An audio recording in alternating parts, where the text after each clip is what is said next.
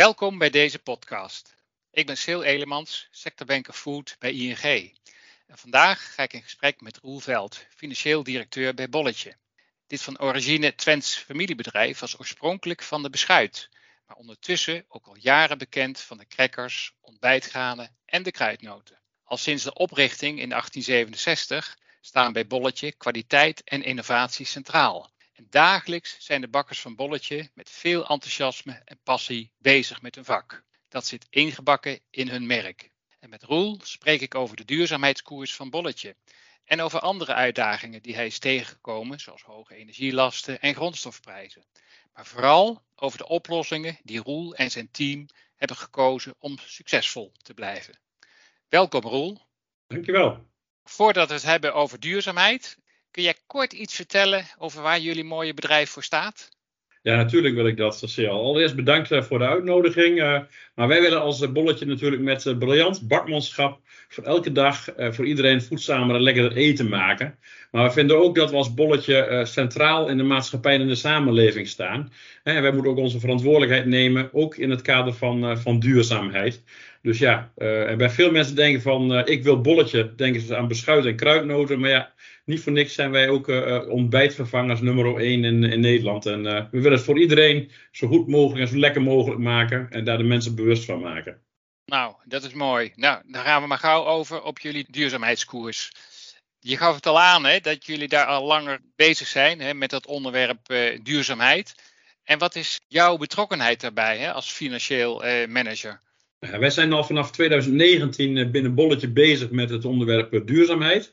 We hebben dat eigenlijk gevangen in het uh, term bolletje bewust beleid. En ja, dat willen we continu voortbouwen en concretiseren. En we hebben een analyse gemaakt van wat zijn voor ons nu de strategische thema's in het geval van, van de duurzaamheid.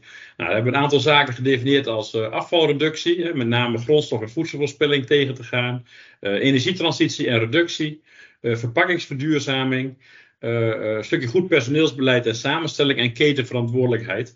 En uh, ja, mijn rol als financieel directeur is natuurlijk omdat er een aantal risico's en kansen in zitten. Een aantal investeringen gedaan moeten worden.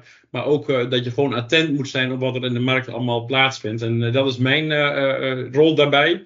Hè, en Bolletje moet ook gewoon zijn verantwoordelijkheid nemen, zoals eerder gezegd. En in de organisatie is er ook steeds besef groeiende dat wij moeten bijdragen en willen bijdragen aan, aan deze transitie. En daarnaast moeten we natuurlijk ook compliant zijn aan de wet en regelgeving, maar dat is eigenlijk een bijkomstigheid. Uiteindelijk moet het in onze uh, aderen zitten.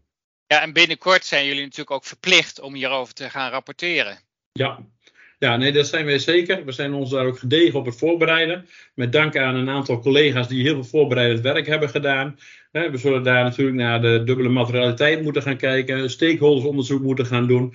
En uh, zij hebben eigenlijk al een stuk voorbereiding gedaan van welke data wij op moeten leveren, maar ook welk beleid wij nog duidelijker moeten gaan uh, formuleren. En ja, daar maken wij goede stappen mee. En daar, met name deze vijf projecten zullen daar ook een heel groot deel aan bijdragen. Omdat die eigenlijk ook vanuit de materialiteit al, naar onze verwachting, van groot belang zijn. Daar, daar speelt natuurlijk die samenwerking in die keten, hè, die ketenverantwoordelijkheid was al een, hè, noemde je al. Ja. Uh, maar, maar, met ook verpakkingen hoorde ik al. Uh, en hoe werken jullie samen daarin? Hè? Hoe krijg je jullie, zeg maar, bijvoorbeeld je toeleveranciers mee, maar misschien ook wel je afnemers? Ja, uh, nou ja, onze afnemers vragen ons natuurlijk al heel veel informatie dus eh, in die zin stroomafwaarts eh, van onze producten naar onze klanten worden we vaak al getriggerd eh, door hun. Maar we zullen zelf ook richting onze leveranciers initiatief moeten nemen. Vandaar ook dat wij een stukje ketenverantwoordelijkheid heel belangrijk vinden. Het is een van de zaken die, nou ja, dat zul je ook zien in de, onder de, de E1 van ESG in scope 3, zit je met name met het CO2 gebeuren. En dat is natuurlijk van belang om dat in, inzichtelijk te maken. Dus uh, we zullen al onze leveranciers, groot en klein, vragen moeten stellen over energieverbruik, over broeikasemissies, maar ook over hun uh, personeelsbeleid en al dat soort zaken, om ook daar duurzaam in te zijn. Dus ja, dat zijn een aantal dingen die wij ook gaan vragen in dat opzicht. Ja, maar dat is natuurlijk ook heel belangrijk, want het, het, het, het overgrote gedeelte van de, van de CO2-impact zit natuurlijk in scope 3, hè? Ja. En dus daar heb je gewoon die samenwerking, die medewerking van je ketenpartners nodig, anders ga je het nooit redden. Ja, absoluut. En is dat ook een van de redenen waarom jullie als uh, bolletje uh, deelnemen aan de energiekoplopers in Overijssel? Ja, nou, de energiekoplopers is natuurlijk een beetje. Uh, natuurlijk omdat energie en emissies heel belangrijk zijn voor voedingsmiddelen in het algemeen. En ook in de bakkerijsector, hè, want we hebben voor onze processen hoge temperaturen nodig, die nodig zijn voor het bakken. En ja, daarom krijgt dat stukje van de duurzaamheidsvraagstuk grote aandacht. En ja, in de energiekoplopers is het grote voordeel dat je met een aantal wat grotere verbruikers gezamenlijk zit en ook van elkaar kunt leren. Want wij willen natuurlijk de restwarmte omlaag brengen of terugwinnen of elektriciteitsverbruik verlagen. En juist als je gezamenlijk initiatieven onderneemt, maar ook als je van elkaar kunt leren, kun je daar gewoon makkelijker stappen zetten. Omdat je ook nog een meer ja, in, indruk kunt maken op, op overheden, op, op energiebedrijven, et cetera. En ja, dat is denk ik van belang. Plus het feit dat je natuurlijk ook belangrijke informatie, niet alleen vanuit de overheid krijgt, maar ook waar andere bedrijven mee bezig zijn. Ja, dus dat, dat helpt jullie echt om, om echt stappen voorwaarts te zetten. Ja, ja, het gaat soms niet hard genoeg en soms zit je weer in een stroomversnelling. Eh, dus dat is niet altijd even gemakkelijk. Maar je wordt wel getriggerd. Wij zijn de laatste keer op bedrijfsbezoek, of iemand van ons is op bedrijfsbezoek geweest bij een van, eh, eh, van de andere bedrijven. En heeft daar gewoon weer geleerd over een stukje warmtekrachtkoppeling. Hoe zij ermee omgingen. En daar kunnen wij ook weer van leren. En ja, zo werkt het over en weer eigenlijk. Ja, ja dat is mooi.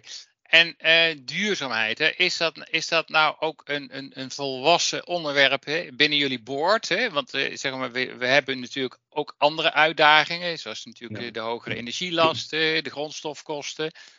Ja, nee, dat is zeker. Uh, het is natuurlijk een. het heeft heel veel impact in de brede zin hè, op ons merk, op een stukje merkuitstraling. Vandaar dat we het ook dezelfde verantwoordelijkheid willen nemen om daar ook stappen in te gaan zetten. En in de verduurzaming heb je het ook zeker over energietransitie, maar ook over een stukje verpakkingsontwikkeling. hoe kun je verpakking verduurzamen? Dat wil niet alleen zeggen van minder verpakkingsmateriaal, maar misschien ook mogelijk ander verpakkingsmateriaal. En dat is natuurlijk altijd een discussie van gebruik je meer of minder plastic. Maar ja, als het een monomateriaal is wat recyclebaar is, dan is dat natuurlijk een, een pre. En je wil wel zo min mogelijk van dat plastic gebruiken. Maar ja, dat zijn wel dingen die, uh, die spelen. Uh, maar voor ons is toch een van de belangrijke onderdelen toch wel ook de energiebesparing en energietransitie. Omdat je vanuit de techniek eigenlijk de, de bakcurve wilt gaan, moet gaan volgen. En dan moet het gewoon product een boost krijgen om er vocht uit te krijgen. En dat gaat het beste met gas. Maar wellicht ook met, uh, met waterstof. Dus daar zijn wij ook uh, nadrukkelijk aan het kijken om daar mogelijkheden te vinden. En om te kijken van hoe kunnen wij het proces aanpassen om daar verder in te verduurzamen. Dus minder energie te gaan gebruiken en onze footprint lager te uh, laten zijn. Ja, en dat, en, en dat verpakkingenverhaal is voor mij ook wel herkenbaar. Want eh, jullie werken wel met, met venstertjes in jullie verpakkingen, maar daar zit geen plastic meer nee, klopt. achter. En daar zit natuurlijk ook een, een verhaal achter. Ja, dat verhaal wat daarachter zit meer dat men, in ieder geval de consument, graag het product wil zien. En dat is de reden waarom daar een venstertje in zit. alhoewel er ook best wel reacties komen van, eh, jullie gebruiken best veel plastic om uh, vier of vijf crackertjes heen. Uh, andere kant is, uh, we willen ook geen voedselverspilling doen. Op het moment dat je een hele verpakking openmaakt en alles zit er los in, kan het zijn dat je de laatste vijf, zes crackers weg moet gooien. En nu heb je ze elke vier, vier, vijf heb je ze, heb je ze vers. Dus ja, dat zorgt, uh, het gaat in ieder geval voedselverspilling weer tegen. Monitoren jullie dat, het aandeel voedselverspillingen? Want het is natuurlijk wel lastig, want dan heb je natuurlijk die consument nodig. Uh, ja, dat is natuurlijk uh, bij de consument is dat heel lastig te monitoren wat daar een voedselverspilling uh, plaatsvindt. Ik denk ook dat dat een stuk verantwoordelijkheid is voor de consument zelf. wat wij in, in de grip hebben, is natuurlijk onze eigen afval-uitvalstroom. en die willen wij ook, daar willen we ook zo goed mogelijk mee omgaan. Er wordt ook heel goed gemonitord hoeveel ja, uitval er aan een lijn plaatsvindt. Of wat kunnen we gaan herverwerken. Een voorbeeld is, uh, we hebben bijvoorbeeld beschuitlijnen. Sommige beschuit uh, worden niet volledig verpakt. Nou, dan kunnen ze weer uitpakken en worden ze als mono's alsnog verpakt. Nou, dat zijn allemaal dingen om voedselverspilling en ook grondstofverspilling te voorkomen. Ja, dat is duidelijk. Als bolletje, ik gaf het in mijn inleiding al een beetje aan, houden jullie ook nadrukkelijk bezig met die, die, die healthy food trend. Het begon als beschuit en langzamerhand zijn ontbijt gaan en, en, en, en lichtere crackers, eh, low carb, et cetera. Ja. dat is natuurlijk best wel een hele transitie geweest, hè? een verandering. En hoe hebben jullie dat neergezet? Ja, wij zijn natuurlijk actief binnen de VBZ-branche, zoetwaren en banket. En daar is natuurlijk een actueel thema wereldwijd, maar ook in Nederland. overgewicht voorkomen, minder suiker gebruiken, et cetera. En uh, natuurlijk willen we ook een koppeling maken van uh, ja, de bakker die centraal in de maatschappij staat. Dus ook de verantwoordelijkheid nemen op dit vlak. En in dat opzicht hebben we samen met alle leden van de VBZ ja, de Geniet Gerust, maar wel bewust campagne gevoerd. En daar committeren wij ons ook aan. Daarnaast zijn onze productontwikkelaars ook natuurlijk voortdurend bezig om de juiste samenstelling van de producten te laten uh, uh, gelden, om aan te passen. Daar waar mogelijk. Hè. Kunnen we met andere ingrediënten werken? kunnen we terugbrengen van de suikers? Een ander voorbeeld is natuurlijk de Nutri-score die uh, geïmplementeerd is. Waarbij je natuurlijk streeft naar een A en B-label. Uh, of maar ook aan de andere kant naar een clean label. Hè, zo min mogelijk additieven gebruiken. Uh, en er zullen natuurlijk altijd een aantal genietproducten blijven. Die weliswaar geen Nutri-score A of B krijgen. Maar ja, iedereen wil soms ook een keer genieten. En dan gunt men zich ook wel een keer een E-product. Ja, maar het merendeel van jullie productrange zit, zit op A en B. Ja, dat is ook een mooi uh, bruggetje om uh, die overstap te maken naar de, de grondstoffen en de ingrediënten. Dat is een behoorlijke stevige aanslag op, op, op CO2-impact. Uh, ja. hoe, hoe gaan jullie daarmee om met je, met, met je inkoopbeleid? Nou ja, de, de ketenverantwoordelijkheden zijn niet voor niks een van, onze, een van de belangrijkste onderdelen in het ESG, CSD gebeuren. En daarom ook een van onze vijf belangrijkste projecten. Uh, het omvat voor ons zeg maar, de hele aanleverketen van grondstoffen, ingrediënten, verpakkingsmaterialen. Waarbij we niet alleen naar de herkomst van de grondstoffen kijken, maar ook naar de wijze van, uh, van produceren, het transport en hoe zij met personeel omgaan.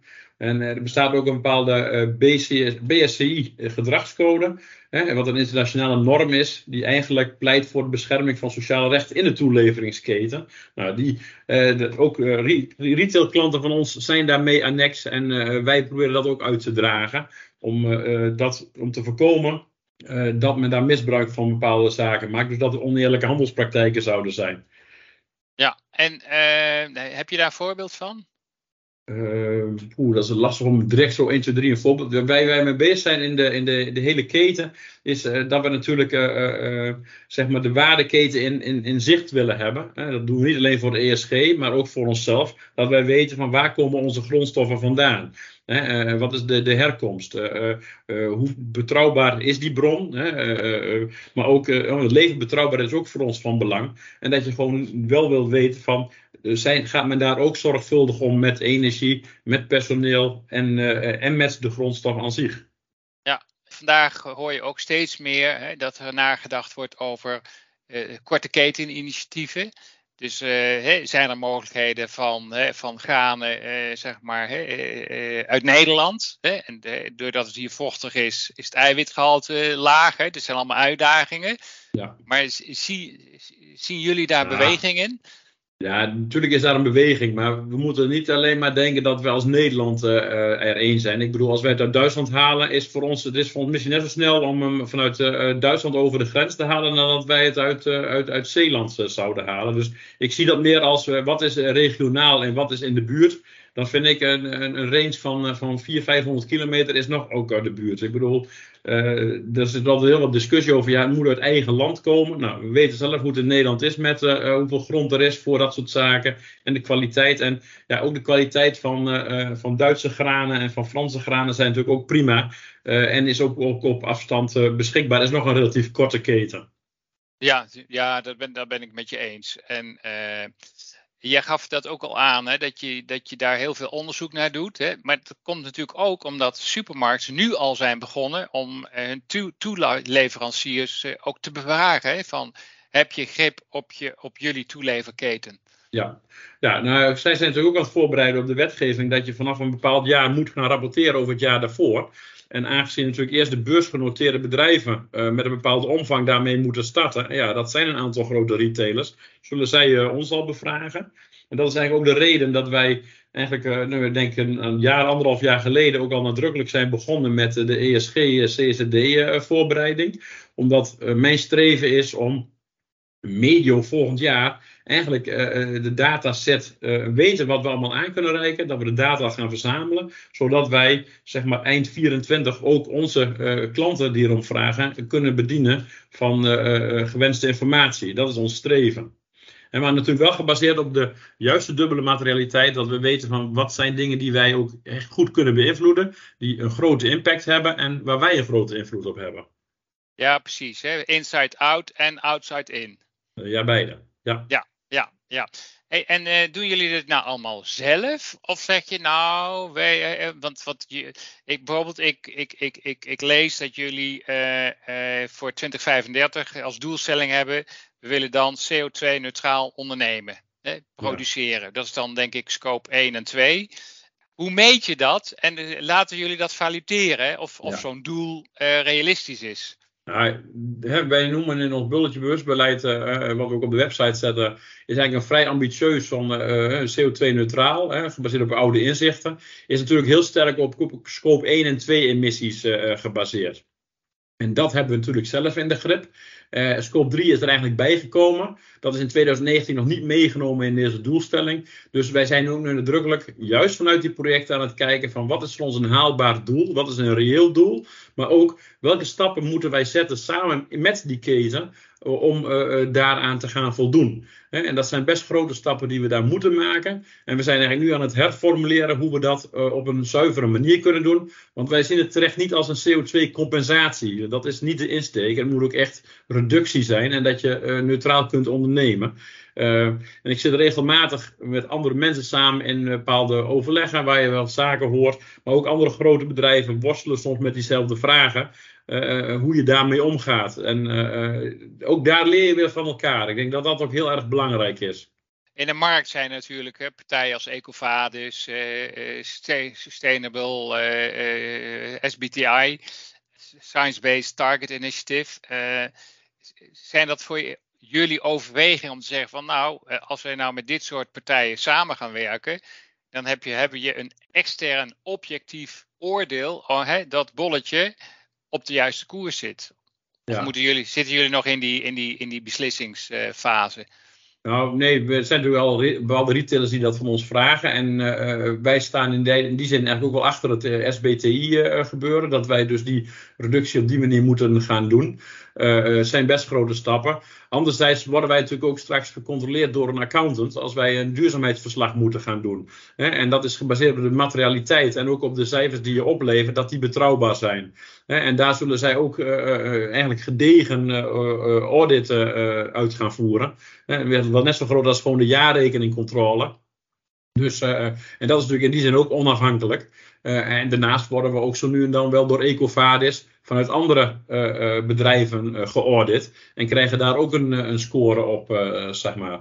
Ja, precies. Dat is mooi. Hey, en je gaf aan dat het langzamerhand hè, raakt duurzaamheid in de genen van al jullie medewerkers. Dat gaat niet vanzelf. Nee, dat gaat zeker niet vanzelf. dat is wel leuk dat je dat aandraagt. We hebben natuurlijk als managementteam dragen we dat uit als wij op de werkvloer staan. Eh, als wij daar eh, eh, aangeven wat is de status van bepaalde zaken. Dat is ook zeg maar waarom wij het bolletje bewustbeleid communiceren intern naar onze mensen. Dat dat in onze, regelmatig terugkomt in onze, onze presentaties. ook daar is aandacht voor onze bakkers. dus intern gericht van de opleiding die ze daarvoor krijgen, bewustwording die ze krijgen. Dat zijn zaken. Ook geven we aan van hoe gaan wij met leveranciers om. Want ook zij hebben contact met leveranciers. Zodat we daar bovenop zitten. in een stukje ketenverantwoordelijkheid zullen we ook naar audits gaan kijken. Van ja, met welke frequentie moeten we onze belangrijkste leveranciers gaan auditen? Nou, ook dan is de afdeling CQ daar weer bij betrokken. Dus ja, ja. dat zijn allemaal. In die zin probeer je het ook in de, in de, in de aderen van iedereen te krijgen. Ja, ja, dat is mooi. En tegelijk ook een hele uitdaging. Absoluut, absoluut, absoluut. Maar ik denk dat de intentie is en uh, wat wij uitdragen is van dat we onze verantwoordelijkheid uh, moeten nemen. Maar dat is ook onze overleving natuurlijk. Wij, moeten, wij willen graag gewoon nog steeds lekkere, goede, voedzame producten kunnen maken. En uh, dat kan alleen maar als je een sustainable omgeving hebt. En dat de ketens ook sustainable zijn. Nou hoorde ik net al over elektrificatieprocessen voor, voor, jullie primaire productieproces praten. Ja. En heel vaak met regelmaat hoor je hè, dat ja, een beetje elektrificatie of een waterstoftoepassing, nou dat is twee, drie keer duurder dan, dan, dan gas. Even los van de hè, netcongestie. Hè. Maar jullie zijn al wel bezig met waterstoftoepassingen. Kun je daar dan iets over vertellen? Ja, nou, we staan in die zin toch nog steeds wel wat in de kinderschoenen. Wij zijn aangesloten bij een coöperatie die de H2-hub in Twente ondersteunt. Dat is natuurlijk een hele mooie uh, samenwerkingsverband van onderzoeksinstellingen, van scholen en van mogelijke toepassingen voor deelnemende bedrijven. En op die manier wordt ook onderwijs gegeven om mensen op te leiden om ervaring op te doen. Dat is één. Uh, en er zijn natuurlijk best mogelijkheden. En we zullen binnenkort ook testen daarmee gaan uitvoeren op een van de ovens. Om al met waterstof te kunnen gaan testen. En wat voor impact heeft dat op het product? En daarnaast staan we ook in nauw contact met uh, overleveranciers. Die op, op proefschaal en soms in bepaalde schaal ook al deze technieken toepassen. Want het vraagt ook iets van branders en van de technologie in dat opzicht. En er zijn nog een aantal hobbels te nemen. Hè, want als je waterstof ver, verbrandt, dan zie je, detecteer je geen niet een zichtbaar vlammetje. Nou, daar is bepaalde wetgeving nog voor nodig om daar dan mee om te kunnen gaan. Want jij wilt niet ook het uh, risico lopen dat er een explosie plaatsvindt. Dus dat zijn ook allemaal zaken waar je rekening mee moet houden. En daarnaast ja, uh, wij zullen in, uh, tot uh, 2050 de omslag moeten maken om van het gas af te gaan. in ieder geval van het aardgas af te gaan. En moeten dus op zoek naar hoe kunnen wij de hele bakproces, welk deel kunnen elektrificeren, hoe kunnen we daar efficiënt mee omgaan en welk deel zullen we met een ander soort gas misschien moeten gaan gebruiken. Ja, en daar is nog heel veel onderzoek voor nodig. Maar dat is wel de reden waarom we aangesloten zijn bij kenniscentra als de H2-hub. Ja, en in die zin eh, hebben wij als Nederland eigenlijk een nadeel, hè, nu dat we zo lang een gasland waren. Eh, in. Ja, het is de wet van de remmende voorsprong. Hè? Ik bedoel, uh, wij gaan van het gas af en in Duitsland wouden ze weer meer gas hebben. Alleen word je nu gedwongen, denk ik, enerzijds door de Oekraïne-oorlog met het gas die uit Rusland kwam. En aan de andere kant ook de transitie die we met z'n allen door willen maken. Hè, en je moet ook wel kijken van wat is op termijn verduurzaming. Hè? Ik bedoel, ook zon en wind zijn hele duurzame bronnen. Maar de methodes van de zonnepanelen zelf en de windmolens hebben ook na een levensduur van 20 jaar, et cetera. Dus ja, ja, je zult continu moeten kijken en je moet het ook steeds continu ontwikkelen. waardoor je met schonere technieken mee kunt werken. Ja, maar op zich, hè, de, zeg maar de, de, de, de technologie eh, voor elektrische productielijnen, die, die zijn er al gewoon. Hè. Frankrijk draait voor een groot deel op elektrische uh, productieovens. Um, alleen ja, hier de omslag in Nederland is nu, is nu gewoon lastig. Ja, nee, dat klopt. Hè. Maar dat is ook, uh, in die zin, Frankrijk heeft natuurlijk in het verleden ingezet op kernenergie. Uh, hebben daarmee heel veel geëlektrificeerd. En hebben ze op die manier van de omstandigheden gebruik gemaakt. Hetzelfde wat Noorwegen doet met waterkracht, omdat daar veel water tot beschikking is. En wij hadden gas. Ja, en nu is het toevallig dat gas met CO2 een negatief effect heeft. En daar moet je daar weer oplossingen voor bedenken. En ik denk dat dat ook wel de inventiviteit is die door de overheid aan de bedrijven gelaten moet worden. Om daar gezamenlijke kracht te, ja, dingen te gaan vinden. Om ervoor te zorgen dat je nieuwe technieken gaat vinden. En het is natuurlijk een aantal zaken is ook zo van. Ehm, sommige dingen uh, circuleren, hè, rond circuleren, circulerende economie is ook van dat je uh, op elkaar wacht. Je hebt wel afhankelijkheid. Wie moet nu eerst? Moet nu de netbeheerder eerst? Uh, moeten de producenten eerst? Maar volgens mij moet je gewoon dichter naar elkaar toe gaan, gaan overleggen. In, dat, in het coöperatieve verband naar een oplossing zoeken. Ja, samen doen. En tegelijkertijd zijn er nog weer heel veel andere dingen die je wel kunt oppakken. Hè? Ja, ja. En dan kom ik bij dat het, het logistieke element hè, binnen van jullie activiteiten. Nou, je hebt het natuurlijk net al gehad over de verpakkingen. Ja. Maar aan de andere kant heb je ook nog het transport. En transport vanuit toeleveranciers. En jullie eigen transport hè, naar de afnemers. Hè. Ja. Wel, misschien wel eigen, eigen wagens, dan wel uitbesteed. Ja. Hoe zetten jullie daar stappen? Want weet je, een elektrische vrachtauto is twee tot drie keer zo duur. En ik weet niet of de supermarkten dat, die gaan betalen. Nee, nou ja, uh, dat, uh, dat denk ik sowieso een lastige. Nou ja, wij uh, hebben wel eigen chauffeurs, maar wij leasen het, het wagenpark. We zijn met dat bedrijf ook duidelijk in contact van hoe kunnen wij een omschakeling maken naar schoner transport.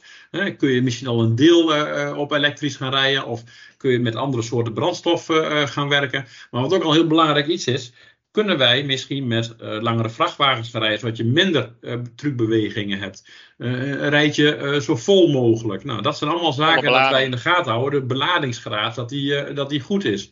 Um, en we zullen ook natuurlijk moeten gaan ondervinden hoe onze leveranciers hun goederen aan, aanreiken bij ons. Maar soms nemen wij op terugweg ook wel eens een keer goederen mee vanuit die leverancier naar ons toe. Doordat we dat zelf aanreiken. Dat scheelt ook weer een, een, een extra beweging, zou ik maar zeggen.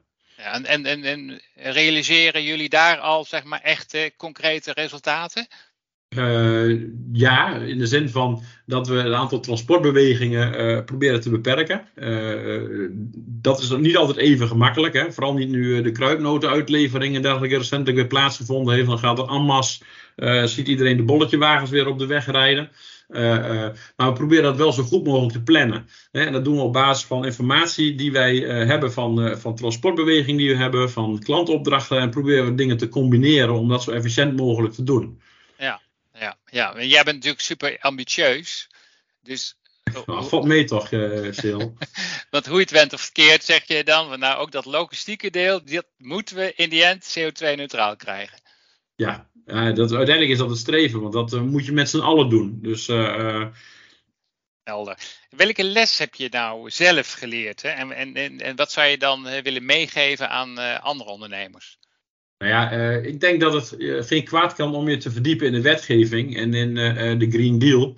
En daar word ik ook getriggerd door, eh, door medewerkers die wij binnen het bedrijf hebben, die daar veel dieper op in zitten, die vanuit hun studie doen, et cetera.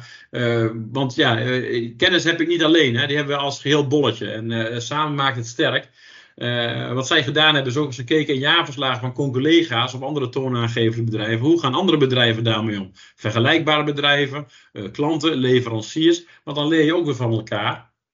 En ik denk dat het dan vooral moeten denken van uh, wat is de voornaamste negatieve en positieve impact die wij uh, maken als, als organisatie of die iemand anders maakt als organisatie. Omdat je daar dan gevoel gaat krijgen van wat voor impact het heeft. En als je een keer rustig voor gaat zitten en erover nadenkt, dan uh, heb je in ieder geval een begin gemaakt. En ik denk dat dat heel, proces, heel belangrijk is voor het proces. Ja, en als je nou terugkijkt, nou een jaar terugkijkt, waar, waar ben je nou dan super trots op? Ja, trots is misschien wel een uh, erg groot woord, maar uh, ik ben tevreden met de, de, voortgang die we hebben gemaakt ten aanzien van de, de voorbereidingen die we nu voor ESG CSRD doen. We hebben een aantal zeer gedreven collega's die daarmee bezig zijn. maar ja, wellicht ben ik het meest trots op al onze medewerkers die zich dag in dag uit zeg maar, voor Bolletje inzetten. Om Bolletje bewust beter te maken voor de toekomst. Hè, zodat we met z'n allen fit for the future zijn. En dat we iedereen ook een toekomst geven waarin ja, ieder met smaakvolle producten kan blijven genieten, maar wel op een duurzame wijze geproduceerd. En de bewustwording hebben daarvoor. Nou, ik, ik, ik hoor het helemaal. Hè? Dat, dat, dat duurzaamheid zit echt ingebakken in jullie merk. Daarmee zijn we dan aan het einde gekomen van deze podcast. Roel, mag ik je hartelijk bedanken voor dit gesprek. Nou, heel erg graag gedaan. En uh, ik hoop dat iedereen er wat mee kan. En uh, ja, nogmaals dank, Sil, voor de uitnodiging. En jij ook bedankt voor het luisteren. En voor andere podcasts verwijs ik naar de site van ing.nl.